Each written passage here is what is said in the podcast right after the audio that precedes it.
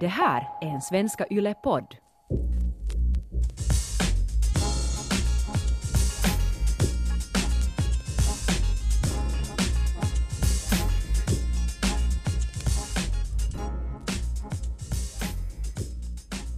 Yle Sportens podd är tillbaka och jag undrar nästan att är det någon som märkte att det inte blev något avsnitt förra veckan på grund av att åtminstone undertecknad semestrade. Hur som helst, här är avsnitt 36 av Yle Sportens podd med mig, Krisu Vuojärvi och Antti Koivukangas. Där var du på hugget. Ja, Så det verkligen. betyder det att du är taggad idag? Alltså, så, vet du, vi- vilar man i 14 dagar så är man på hugget för att komma igång. Så att, vad säger du? Vi kör rakt. Pang på det, Bettan. Yes.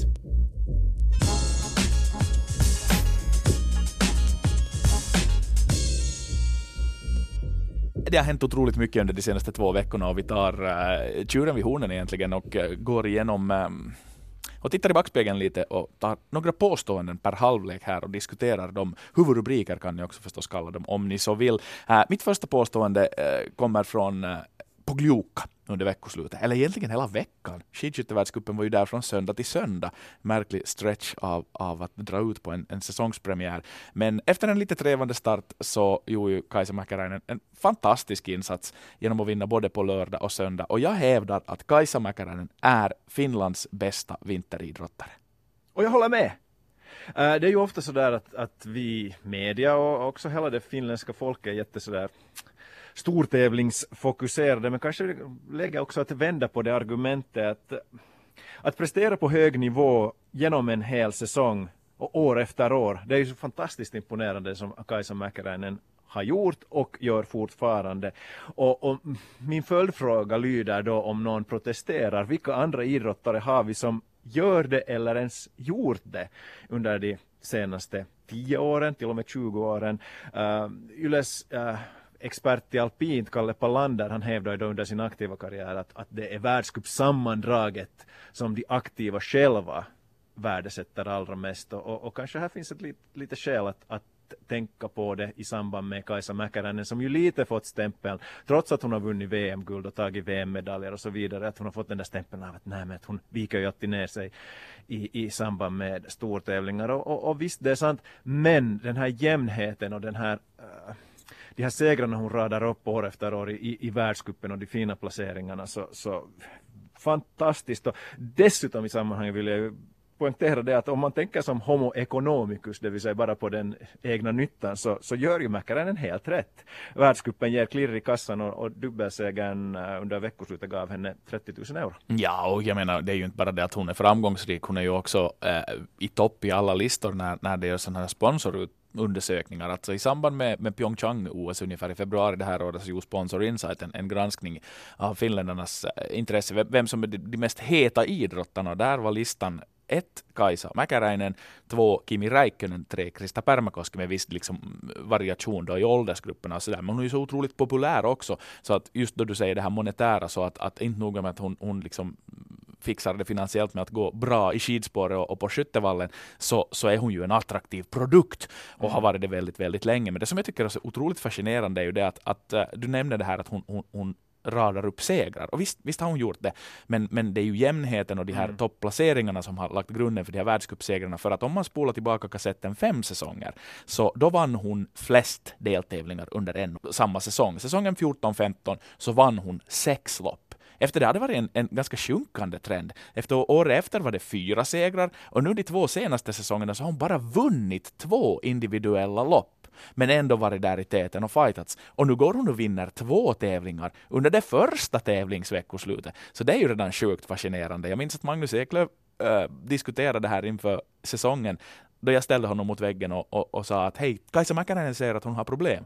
Att hon kommer inte att vara igång här i början på säsongen. Att ska vi vara oroliga? Så sa han sådär skönt lakoniskt bara Ja, hon brukar alltid säga det och så brukar det gå som det går. Och så gick det ju. Så här kan vi vara fullständigt överens om att mm. Kaisa Mäkäräinen är just nu Finlands bästa vinteridrottare. Men hej till sommaridrott, Kriso. Mm. En story som faktiskt dök upp på våra webbsidor och fick också spridning på finska sidan via det. Camilla Rickardsson blir utan stöd och äh, jämför det behandlande hon får från äh, olympiska kommittén med eh, som att bli dumpad i lågstadiet. En, man skickar en cover för att berätta att det är slut. Det är en fascinerande story, ni kan fortfarande gå in och läsa den på, på, på vår webbplats svenska.yle.fi. Men äh, borde Camilla Rickardsson ha fått fortsatt stöd från olympiska kommittén? Det här är en svår fråga, för svarar man ja så borde man plocka bort någon annan. Men, men eh, jag gör det enkelt för mig och svarar ja, Camilla Rickardsson borde ha fått det här fortsatt understöd. Men jag vet inte vem jag ska plocka bort. Nej, nej, alltså, eh, orsaken till att jag tycker att hon ska vara värd det är att jag, jag tycker att hon visar tillräckligt goda framsteg som idrottare fram tills att hon blev skadad i samband med, med Kaleva-spelen. Jag tycker att man ser på henne att det finns fortfarande ganska mycket potential att hon kan förbättra sina tider. Sen är ju friidrotten väldigt brutal om man tänker att det är då Finlands olympiska kommitté och det är OS som ska vara det stora målet. Mm, så, så där är det nog osannolikt att hon någonsin blir en OS-medaljör men, men säg i samband med ett EM så kan hon åtminstone vara i, i, i topp 10.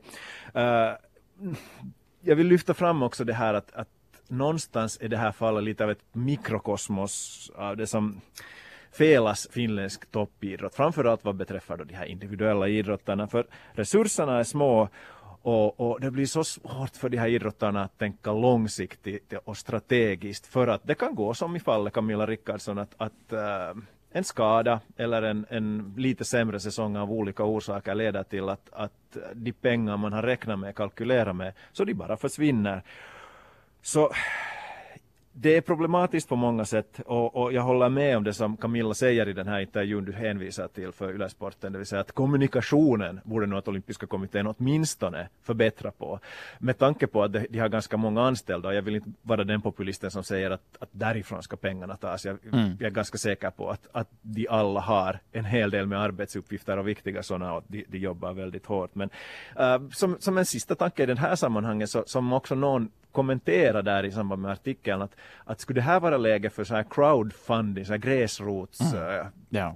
för, för, för Camilla Rickardsson, för hon har ju, har ju allmänhetens sympati nu på sin sida och nu skulle det gälla att smida medan järnet är, är, är varmt. För jag kan tänka mig att det finns många i, i Svenskfinland eller hela friidrottsfinland som skulle kunna tänka sig att skänka några tior och, och många bäckar små kan leda till att, att den här summan skulle kunna bli ganska stor. Mm, och den stora orsaken, du nämnde det ju tidigare, att, att, att Camilla Rickardsson petas från den här listan är skador, äh, vilket ju också ligger bakom Oskar Mörös och Linda Sandbloms petning, det vill säga problematiska säsonger. Jag minns att vi pratade med, med David Söderberg som har varit med länge i de här sammanhangen.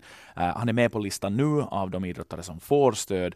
Äh, han är väl en kille som med tanke på grenvalet kan hävda sig oberoende om det är EM, VM eller OS OS, det vill säga det är egentligen samma pack som tävlar i alla sammanhang, med undantag för någon bra japan där. Så, så han konstaterar just det här att den där långsiktigheten saknas med tanke på att, att eh, just när du kanske skulle behöva det där stödet som mest, när du återhämtar dig från en skada och ska bygga upp någonting på nytt, så då dras det ifrån dig. Uh, det gick ner från 28 till 21 idrottare och då är det lätt att plocka dem som har haft skadeproblem. Vad jag då inte kan förstå och du nämnde att du har svårt att plocka något namn bort från den här listan, är ju att friidrottsmiljonären får vi väl nästan kalla honom. Tero Pitkämäki finns på den där listan. Hela karriären var ju i vågskålen och han har ju hovat in pengar på löpande band. Mm. Äh, där också liksom ännu fram till, vad det nu i veckan, så var det ju oklart om han ens fortsätter. Men där var det inget snack om saken. Och jag menar, han, han taxerade in på över 200 000 2015, ännu jo. nästan 100 000 2016. Så att, att, nu är jag kanske den där populisten som konstaterar att, att, att kanske Camilla Rickardsson skulle behöva de där pengarna mera i det här skedet av sin friidrottskarriär än den här vielä kerran pojat och Pitkämäki. No, det här faller ju nog David Söderberg lite under, under samma paraply Exakt, som Pitkämäki. Men jag tycker kanske nog att meriterna ska vara det enda saliggörande här för att det blir svårt sen att avgöra från fall till fall att, att eh, vad pengarna behövs och, och, och, då tycker jag kanske att det ska vara som så att de bästa får pengar oberoende hur deras egna ekonomiska situation ser ut. Men här tycker jag kanske att sen att, att om någon idrottare har det väldigt väl ställt så kan de tacka nej och det har vi ju exempel på. Jarkko mm. Nieminen fick ju i många herrans år, eller var det sen som så att, att efter ett par år så, så delade inte olympiska kommittén längre ut det här stödet till honom för att han alltid tackar nej. Och det ska ju han ju ha en eloge för att han inser att han är äh, i ett läge där äh, han, hans ekonomiska situation är sån att han inte behöver de här 10-20 tusen eurona mm. medan det finns andra som verkligen behöver det. Så att här kanske det är Pitkämäki själv som ska fatta beslutet i så fall. Mm. Men det är många mästerskap på kommande och just nu så får Camilla Rickardsson alltså klara sig utan stöd från Finlands olympiska kommitté efter det här senaste beslutet. Men hej, i den här första halvleken avslutningsvis ännu ett påstående. Det var ju roligt igår. Oh ja med innebandy. Jag vet vart du är på väg. Vilken final ändå. Lite antiklimax, för de brukar vara mer rafflande än sådär. Nu var det ju bara också i intervjuerna efteråt där finländarna konstaterade att nej, vi var bara så mycket bättre. Vi, vi vann den här matchen för att vi var överlägsna Sverige idag. Och, och det kan jag ju kanske hålla med om. Det vägde lite där vid den där straffen i tredje perioden, men, men, men, men egentligen efter att Finland sen, sen fick kontroll på spelet så var den där, den där segern aldrig hotad. Och, och innebandyn seglar i bra medvind just nu. Men äh, jag påstår att trots den här hypen nu igen, bra läsningssiffror på alla webbsajter, äh, bra tittarsiffror i TV, massor med publik på plats i Tjeckien, så är innebandy fortfarande en liten, liten sport. Ja, jag vill börja med att säga att jag är en jättestor innebandyvän, varit med, med om på plats under många VM. Men, men svaret på ditt påstående är ju oh ja, hell yes. Uh, frågan är väl i om man för den vidare väl om innebandyn inte alltid kommer att förbli en, en, en liten sport i stil med bandy på is kanske. Mm. Och jag tycker inte att det är något fel med det i så fall. Det, det var jätteroligt som du säger att Finland vann VM och jag imponeras ju framförallt av det att, att det fanns inte tillstymmelse till det här uh, gummiarmar eller att uh, man på något sätt i det finländska laget skulle, skulle få nervdaller. Mm.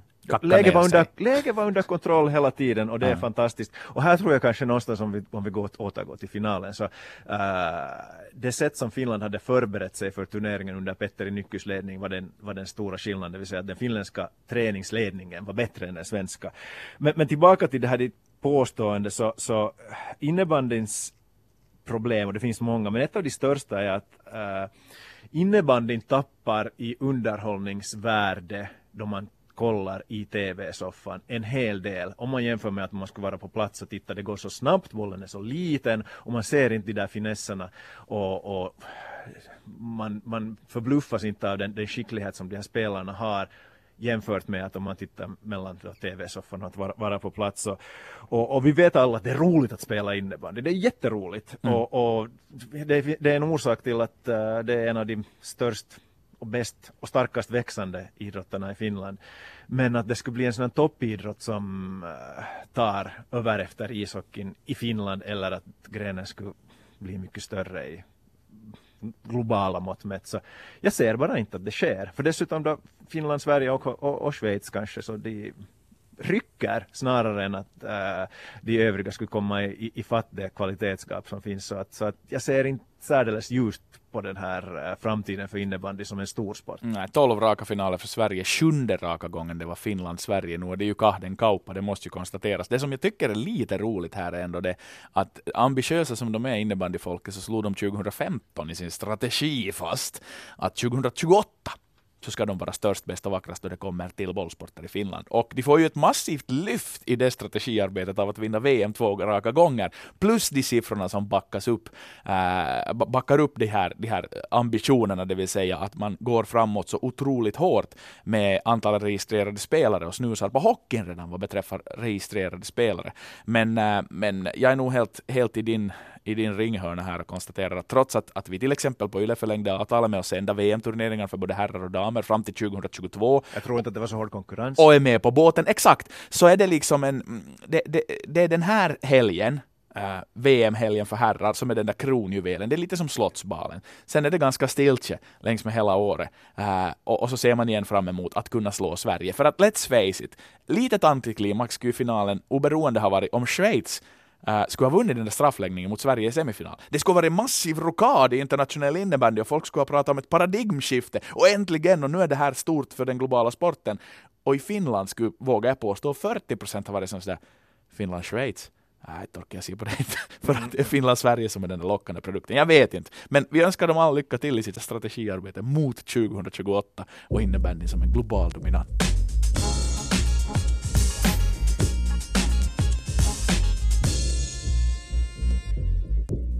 Halvlek två betyder att det är min tur att komma med tre påståenden och jag börjar med Premier League i fotboll. Uh, jag påstår att Manchester City vinner Premier League trots att City förlorar mot Chelsea i lördags. Mm, jag är inte så jättesäker på det. Uh, jag kan tycka att Manchester City när de inte är så vinklippta och har ångan uppe är pound for pound spelplats för spelplats och materialmässigt det bättre laget. Men det händer saker just nu faktiskt som kan skifta den där pendeln ganska rejält. Uh, Liverpool har ett jättetufft program framför sig nu. De har en tuff Champions League-utmaning in i veckan och så ska de möta Manchester United, ännu Arsenal och så kommer det ett inbördesmöte ganska snabbt på också mellan City och Liverpool. Men de får igång Salah i helgen dessutom när det här skiftet i tabellen sker. Han lyckas där som City sen inte lyckas och få hål överhuvudtaget i offensiven offensiven. Alltså Gabriel Jesus är ingen Sergio Aguero. Och med honom skadad, med Silva skadad, med folk halv, i halvtaskig form, De Bruyne ute, så, så kan det faktiskt hända att ett sådant avgörande ryck håller på att ske här under julhelgen som ju är matchtung som få. Det vill säga det spelas mycket, planerna är svåra och utmanande, det är kallt, ruskigt och folk har redan skador i sina trupper. Så att januarifönstret blir spännande här också att se hur Pep Guardiola och Jürgen Klopp tänker med tanke på, på, på fortsättningen. För City vet ju redan att de spelar vidare i Champions League efter årsskiftet och har dessutom två kuppturneringar där de är kvar i. Liverpool vet inte ännu huruvida det blir Champions League eller om man fortsätter i Europa, Europa League eller vad som händer. Men jag tror faktiskt, jag, jag skulle lägga mina slantar som det ser ut just nu på att Liverpool kommer att fixa biffen. Okej, okay, då är vi oense. Uh, jag tror att City vinner. Jag tror att uh, City uh, är på en nivå som ännu är högre. Vi ska komma ihåg att City mycket väl hade kunnat avgöra mot, mot Chelsea redan under första halvleken. Men du nämner alla de där sakerna som talar för Liverpool och, och, och kanske allra viktigast i sammanhanget utöver de här skadorna på, på Citys nyckelspelare. Hur går det för Liverpool i Champions League nu den här veckan? Mm. Åker de ut så då kan jag tänka mig att pendeln lite vänder. För att det är ju ett historiskt faktum att äh, lag, framförallt i Premier League, lag som, som håller till både i Champions League och i Premier League så har svårt att hävda sig riktigt ända vägen. Vi har Leicester som vann äh, ligatiteln utan att vara med i Premier League. Chelsea gjorde det här för ett par säsonger sedan så att det, det är tufft att äh, stå på två ben framförallt i Premier mm. League. Och intressant är det ju att, att hur bra kvaliteten är, hur vass den är den här säsongen. Vi har nämnt bara City och Liverpool, men Tottenham är ju fantastiskt på gång för att inte tala om Arsenal och, och, och Chelsea lyckades besegra uh, City och fick upp ångan så att de här fem, jag undrar om det någonsin har varit en lika bra, stark tätkvintett i Premier League. Jag undrar om inte vi har nämnt det här till och med i ett tidigare poddavsnitt, alltså inför den här starten, att, att det känns mera öppet än på länge. Jag tror vi pratade i höstas i just de här banorna. Att det kommer Men då var det nog mer spekulationer och att, jo, jo, jo, att hur, hur, är det med Arsenal och med Emery och så vidare, hur är det med Chelsea under Sarri och, och, och, och Tottenham som inte gjorde egentligen, eller gjorde inga värvningar under, under sommaren, Exakt. så att det fanns många frågetecken, men, men de här frågetecknen kring utmanarna så de har, har, har på något sätt blivit utropstecken så att det, det, det blir en fantastiskt rolig uh, Premier League fortsättning och framförallt vårsäsong. Mm, ja, det håller jag med om, absolut. Uh, inte ett poddavsnitt utan lite NHL-snack. Uh, jag påstår att Mikko Koskinen tar över manteln som finländsk målvakt sätta i NHL, alltså tar över efter Pekka Rinne jag tycker att han har alla möjligheter att göra det. Och äh, det är så otroligt sjukt kul att följa med hur diskussionen kring Mikko Koskinen liksom hur pendeln har svängt i Edmonton just nu. För, för, för bloggare och observatörer och journalister i, i, i höstas under preseason var ju, var ju rungande överens om att 2,5 mille för en styv, stel, två meters bjässe från Ryssland, äh, låt vara att han kommer från Finland, men alltså från KHL, äh, troligtvis är den största missinvesteringen äh, under hela NHL-säsongen. Det vill säga att man har en bra etta och man skaffar en backup för dyra pengar som inte håller måttet sättet. Nu säger jag ju inte att han har etablerat sig som, som kung ännu, men han spelar i en organisation som leds av, av NHLs bästa spelare, den kommande stora superstjärnan i Connor McDavid, och hans siffror den här säsongen är ju bländande bra. Han spelar 14 matcher, han är redan tvåa i eh, hållna nollor, 92,9 räddningsprocent och just över två i snitt insläppta per mål. Han är där och snusar på toppositionen i alla kategorier och han är 30 år gammal, har vackra meriter att falla tillbaka på, två Gagarin-kupper, två VM-silver. Han kan vinna stora matcher. Det kan han bevisligen göra. Så att, äh, nej, jag, jag tror faktiskt att på något sätt känns det som att Tuukka Rasks kurva har pekat lite neråt på sistone. Antti Ranta hålls inte ihop och eh, bakom de här killarna så finns det en hel drös unga utmanare som inte är i någon form av roll ännu att vara en solklar etta vecka ut och vecka in. Det är Mikko Koskinen nu om han dessutom snuvar Talbot på den där platsen. Så att, så att jag tror faktiskt att när Rinne väl kastar in spaden så är Mikko Koskinen vår go-to guy. Okej, okay, ja, så du menar på det sättet att, att han tar inte över som finländsk målvaktsetta i NHL innan Rinne kastar in handduken?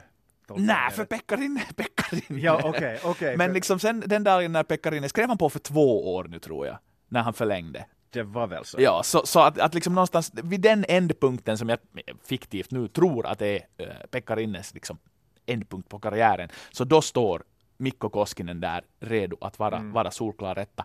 Äh, Pekkarine har ändå lite flera NHL-matcher att falla tillbaka på. Koskinen har nu 14 med Edmonton plus de där fyra för New York Islanders i början på 10-talet som ju gick käpprätt åt skogen. De kan en räddningsprocent på, räddningsprocent på ungefär 80 då? 87,3 ah, okay. uppkollat i morse faktiskt. Så att, det här, så att, att, att liksom pedigree på Rinne avgör att han är ju solklar han är en franchise-målvakt. Mikko Koskinen är en framtida franchise-målvakt. Men i och för sig fem, sex goda år i NHL kvar att bjuda på om han ja, det intressanta är ju när man, när man ser Mikko Koskinen och tänker hur många gånger han varit med i VM och i de här sammanhangen så han känns ju betydligt äldre än 30. Jo, jo. Att, att med sin hårfagra stil och så vidare så, så han ser ju ut som han skulle kunna vara Pekkarinnes äldre bror. Uh, nej, jag tänkte kanske på ett lite annat sätt på det här påståendet att, att om Koskinen redan den här säsongen kan vara ah. Finlands målvaktsetta och, och där är vi inte ännu och, och framförallt kanske orsaken är det att Edmonton är lite för svajigt, det är lite för upp och ner och, och uh, det kommer ganska mycket djupdykningar medan Pekka Rinne då alltid har det väldigt stabila Predators-maskineriet framför sig. Mm. Och, och, jag tänkte som så här då jag fortsatte resonera om och kring frågan om slutspelet skulle börja nu och du har ett lag som skulle få välja någon finländsk målvakt eller ta rangordna dem vem du helst skulle ha som målvakt. Så, så nu är det ju Rinne som är etta. Mm. Sen tror jag faktiskt om vi bortser att Tiranta hela tiden är skadad så skulle jag ta honom som två om man vet att man skulle kunna ha honom som frisk. Och så tror jag faktiskt med sin rutin att jag ska också välja Tuukka Rask just nu före Mikko Koskinen. Men som okay. du säger, på sikt så kan det hända att, här, att vi har ett, ett uh, no, till och med kan kalla det ett paradigmskifte på gång. Mm. Men på tal om, om ishockey, det spelas landslagsishockey den här veckan. Undertecknad och Toffe Herberts refererar på svenska på Yles kanaler. Det är alltså säsongens andra Eurohockey-tour som är på kommande. Finland, Tjeckien, Sverige och Ryssland föga överraskande deltagare i den här uh, turneringen som för det mesta spelas i Moskva. Finland möter Tjeckien på torsdag i Tammerfors. Timo Jutila ska äras Oj. där inför den matchen så att det är också värt att, att kolla in på det. Kimmo Timonen satt ju ribban väldigt högt för övrigt med att uh, hålla ett ganska avväpnande tal då han uh, premierades av, av finska ishockeyförbundet. Får se om Jutila klarar av att komma i närheten av det. Jag tror hej, inte Nej, jag tror inte heller. Men, men, men jag har ett påstående. Uh, det här Eurohockey Tour EHT-formatet så borde reformeras. Inte egentligen hemskt mycket, tycker jag. Uh, byta namn kanske sådär till någon Four Nations eller något. för det är ju liksom inte Eurohockeytour i sig. Uh, vi hade en rolig turnering senast med massa debutanter uh, som, som gjorde väl ifrån sig. De får smaka på landslagshockeyn. Det är liksom en gateway-drog till att bli bärande krafter i VM-turneringar. Uh, eh, utomhusmatchen i Ryssland är ju ett steg i rätt riktning. Det är ju spännande, det händer roliga saker hela tiden. Jag tycker Eurohockey Tour as is fyller nog en funktion och um, jag vet inte, du, du har bättre koll på det här, men jag tycker det är ganska bra som det är.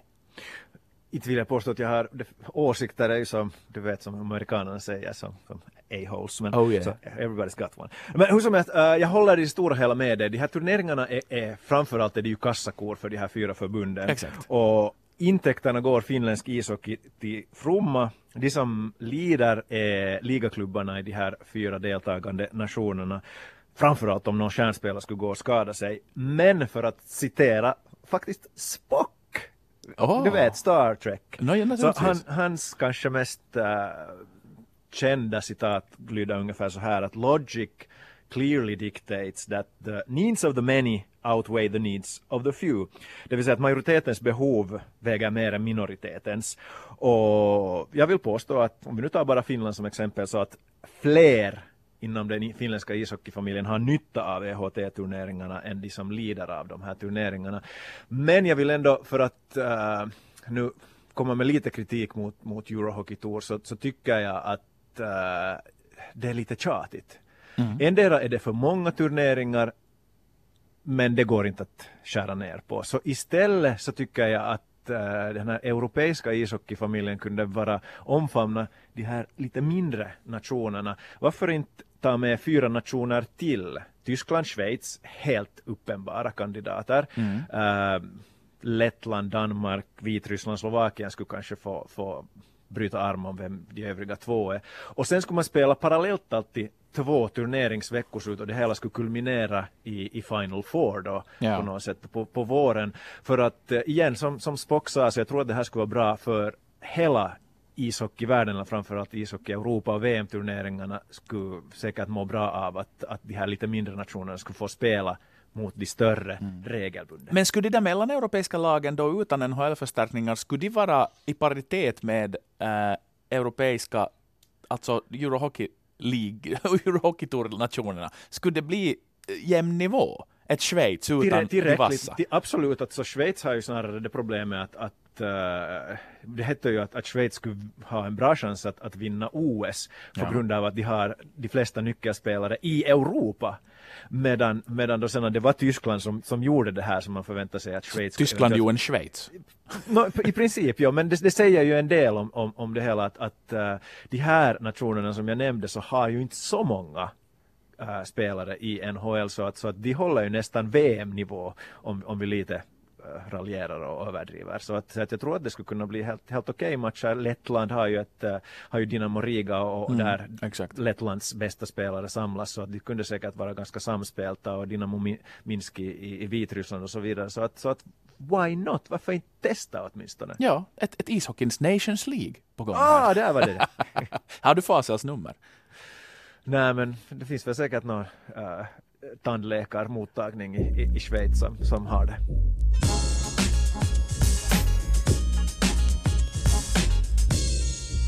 Sista tredje halvlek av Yle Sportens podd den här veckan är sin vana trogen uppbyggd eh, med två frågor. Där Kriso, du får ställa den första.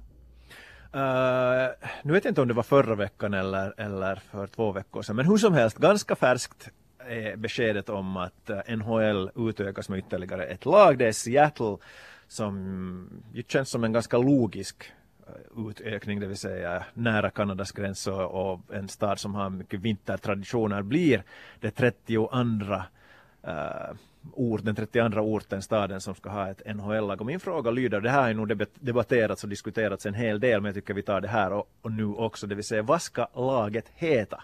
Var det så att Seahawks är därifrån? Mm. Ja, och till min stora fasa Basketlaget hette Ja, Supersonics. och jag trodde, jag var som ja. sådär att ja men de är ju, de var ju roliga och så var jag såhär, jaha shit har de slutat? så, så det visar väl någonting om hur mycket jag följer med NBA, men jag tyckte om Supersonics, det var ett roligt namn. Äh, jag spolar snabbt igenom de här, det, det har ju registrerats domäner. Uh, sådär på förhand, för säkerhets skull med tanke på, på mycket av de här Alltså du har facit. namnen som är... Så, ja, men vet du sådana som, som har seglat upp som favoriter för att Okej. någon skulle i värsta fall då sko sig på att ha den där domänen registrerad och, och då åker de på en massa fyrk. Så att, jag tror till exempel att en, en, en kommun i Finland med ambitioner att något år ordna bostadsmässa så registrerar, vet du, jag bor i Jakobstad, så om de är kloka så har de registrerat liksom Jakobstad 2019, Jakobstad 2020. så där så att man säkert sen äger domänen när Just det. väl smäller och blir bostadsmässa, vilket jag inte säger att det ska bli, men hur som helst. Uh, och, och de här dominregistreringarna ledde då till en, en shortlist på 13 namn, som, det var ganska många. Laidasta laitaan, roliga grejer. Så in på Google bara så kan ni kolla det. Men, men det som jag fastnade kanske var för att det fanns en, en, en, eh, en föregångare i en, en, någon, någon sån här mossig gammal hockeyserie på 40-talet, 50-talet tror jag det var så. Det hette Totems. Oh. Och, och, det var en ganska snygg tröja där äh, som, som, vad heter det nu, som, som någon hade designat fram redan och funderat på att, att, att Seattle Totems, som en, en hommage dessutom till, till ursprungsbefolkningarna äh, i, i nordvästra USA, Kanada, äh, så, så skulle kunna funka. Det har ju funnits liksom Cleveland Indians, vi har Redskins, vi har liksom, det, det, det finns redan, men, men så, så det är kanske det som seglar upp som min favorit. Sen tyckte jag också att, att ett jättebra namn var Kraken. Alltså oh, ett, ett, singul, ja, ja. ett singularis, alltså inte ja. nåntings. Allting är ju liksom, du är Yankees, du är Black Hawks, du är Red Wings, du är liksom pluralis hela tiden. Men ja. liksom Seattle Kraken. Ja, det är ganska bra. häftigt. Ja, release the Kraken. Ja, det där, uh, jag har inte sett det här, jag har inte, jag har inte ens lyssnat på det. Jag vet att, att jag har sett bara rubriken att vad ska klubben heta, så att, så att allt det här som jag kommer att säga så har jag inte någon form av, av belägg för att, att hade ens figurerat i Inte sådär som vanligt med allt du säger. Exakt. Uh, jag, jag, jag, kan ju tycka att, att ganska många namn i amerikanska proffsidrottare är lite larviga. Och det är så, så, därför tycker jag det här McCracken till, till exempel låter, låter bra. För att det är lite bryter mönstret. Men uh, det vad jag skulle hoppas är att laget får ett namn som på något sätt kan förknippas med staden. Och då börjar jag fundera att vad är Seattle känt ah, för? Microsoft, och musikscenen. Och, och det här med Microsoft så tänkte jag att, att hur är det med Seattle Windows? Och, det får du nog lägga ner! ja, och så, så kastade jag ner, ut det genom fönstret. Ja, och då kom jag, kom jag till den här musikscenen. Och sen uh, Seattle Grunge, det låter ju ganska bra, men de här som, som slog igenom som, som musiker, de här banden på, på 90-talet, gillar inte den här termen grunge. Nej, så då tycker så. jag att det ska respekteras. Och, och då kommer jag sen till uh, Seattle alt-rock eller indie-pop. Och, och, därifrån så här, här leder jag då mitt förslag, det vill säga Seattle Indies eller Independence.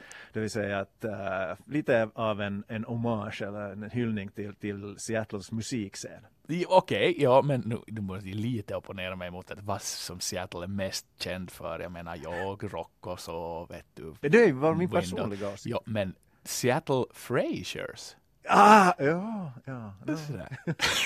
ja. Nåja, vi låter det klokare avgöra den här frågan. Hey, jag ska också ställa en fråga. Yes. Äh, inför självständighetsfirandet så träffade jag MMA-fightern Glenn Sparv, äh, sympatisk snubbe, och äh, diskuterade dittan och dattan och såg lite på videoklipp av honom då han gick upp i ringen. Och, och, och han hade som inmarschmusik när han, han gick in, om och då han får själv välja, så hade han faktiskt i flera sammanhang använt Johnny Cash, When the man comes around till exempel, som en låt och sånt. Att liksom, han, han, han gillar att gå in i ringen ringen Get pumped up sådär.